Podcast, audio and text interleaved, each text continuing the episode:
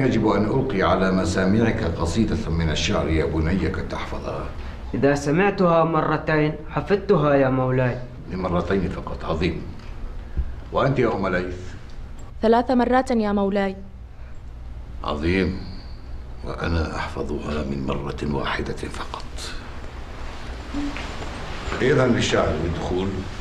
إذن للشعر بالدخول.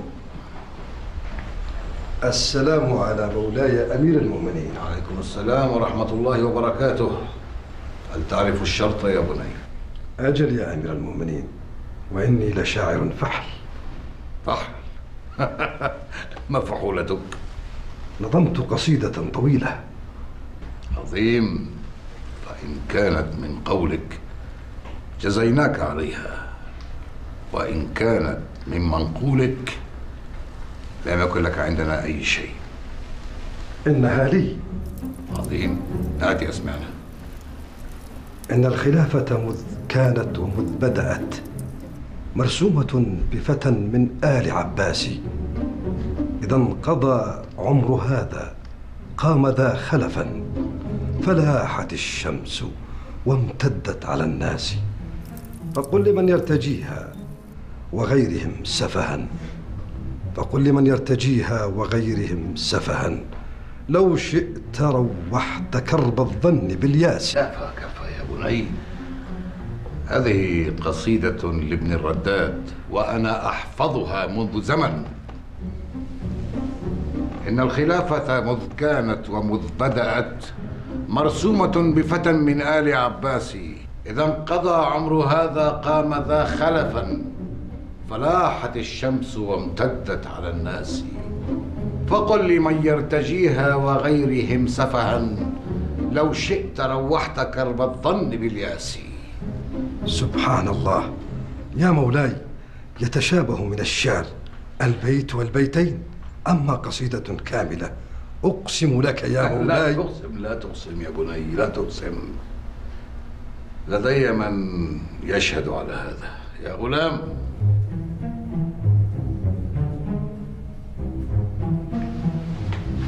مولاي؟ هل سمعت يا بني بشاعر اسمه ابن رداد؟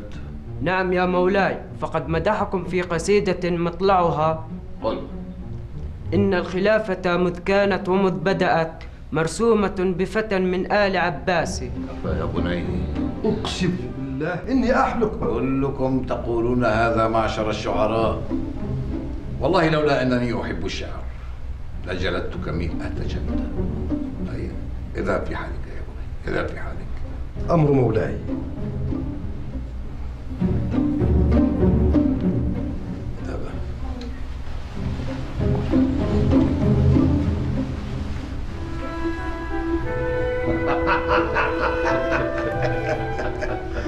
والله لقد قال قصيدة جميلة.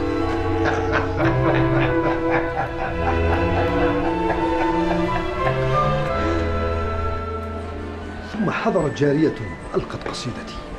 كأنها تحفظها منذ دهر عجيب. أيمكن أن تكون قد حفظتها من دون قصد وحسبتها لنفسك؟ لست أدري. كل ما أعرفه أنني نظمت قصيدة حفظت قبل أن أنظمها. ها هو الأصمعي. السلام عليكما. وعليكم السلام ورحمة الله وبركاته. ما بكما أيها الأخوان؟ أمر عجيب غريب. خيرا إن شاء الله. ننظم قصائدنا من بليات أفكارنا وخليجات مشاعرنا. ونكتشف بعدها أن ثلاثة يحفظونها عن ظهر قلب. ثلاثة يا أصمعي ثلاثة. وأين حدث هذا؟ في بلاط أمير المؤمنين. في بلاط أمير المؤمنين؟ أجل. لابد أن في الأمر نقشا وحيلة السلام عليكم. أفكر أن باب يا مولاي. هل يعرف الشرط؟ نعم. علمته بالشرط يا مولاي. حسنا. فليدخل.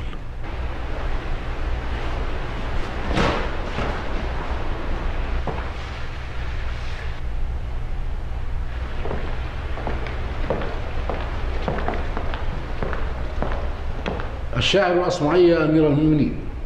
السلام على مولاي أمير المؤمنين. وعليكم السلام ورحمة الله وبركاته. أهلا بالأصمعي هل تعرف الشرط؟ نعم يا أمير المؤمنين تماما كما أعرف الجائزة. وزن ما كتبت عليه ذهبا. هذا إذا كانت لك. هات يا أصمعي هات يا سمعنا صوت صفير البلبل. هيج قلبي الثمل. الماء والزهر معا. مع زهر لحظ المقل. وأنت يا سيد لي وسيدي وموللي فكم فكم تيمني غزيل عقيقلي قطفته من وجنة من لثم ورد الخجل. فقال لا لا لا لا وقد غدا مهرول والخوذ والخوذ مالت طربا من فعل هذا الرجل. فولولت وولولت. ولي ولي. يا ويل لي فقلت لا تولولي. وبين اللؤلؤ لي. قالت له حين كذا انهض. انهض. وجد بالنقل. وفتية سقونني قهوة كالعسل لي. شممتها بأنافي أزكى من القرنفل. شممتها بأنافي أزكى من القرنفل. في وسط بستان حلي بالزهر والسرور لي. والعود والعود دندنا دنا لي. والطبل طب طب طب طب لي. طب طب طب طب طب طب طب طب طب طب طب لي. والسقف سق سق سق لي. والرقص قد طاب لي. شوى شوى وشاهشي على ورق سفرجلي وغرد القمري يصيح ملل في مللي. لو تراني راكبا على حمار أهزلي يمشي على ثلاثة كمشية العرنجل والناس ترجم جملي في السوق بالقلقلل والكل كعكع كعكع خلفي ومن حويللي ولكن مشيت هاربا من خشية العقنقل إلى لقاء ملك معظم مبجل يأمر لي بخلعة حمراء كالدم دمدم لي أجر فيها ماشيا أجر فيها ماشيا مبغددا للذيلل أنا الأديب الألمعي من حي أرض الموصل. نظمت قطعا زخرفت يعجز عنها الأدب لي. أقول في مطلعها صوت صفير البلبل. ما رأيك يا مولاي؟ آه رأيي في ماذا؟ هل سمعت بهذه القصيدة من قبيللي من قبيل لي؟ والله ما سمعت بها من قبل. ولكن دعني اولا اسال لي. يا ربيع. نعم يا مولاي. الغلام والجارية. في الحال يا مولاي.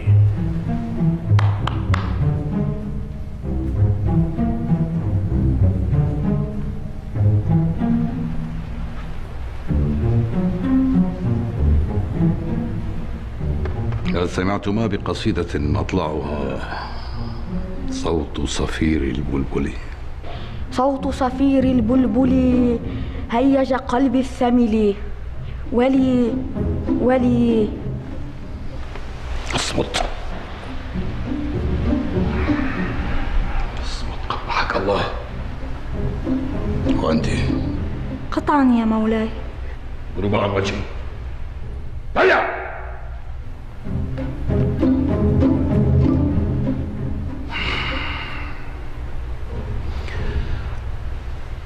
هات يا أصمعي هات قصيدتك حتى نعطيك وزن ما كتبت عليها ذهبا. المعذرة يا مولاي ولكني لم أكتب قصيدتي على ورق. فعلى ماذا كتبتها؟ ورثت عن أبي عمود رخام فنقشت عليه قصيدتي وهو على ظهر ناقتي لا يحملها إلا أربعة من جنودك. عمود رخام؟ نعم. لا أذكر أنكم اشترطتم كتابة القصيدة على ورق. نعم نعم. يا ربيع. نعم يا مولاي.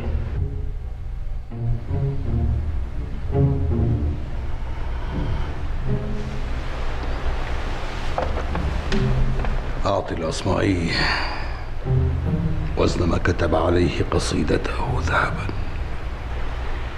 إن فعلنا ذلك ستنفد خزائن بيت المال يا مولاي فما العمل؟ أترضى بأن يفرغ بيت المال من أموال المسلمين يا أصمعي؟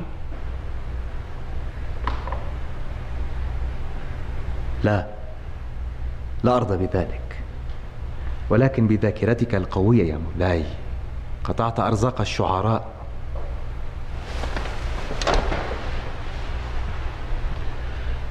فماذا إذن؟ أتنازل عن حقي يا مولاي ولكن بشرط واحد. أن تعطي الشعراء حقهم في قولهم ومنقولهم.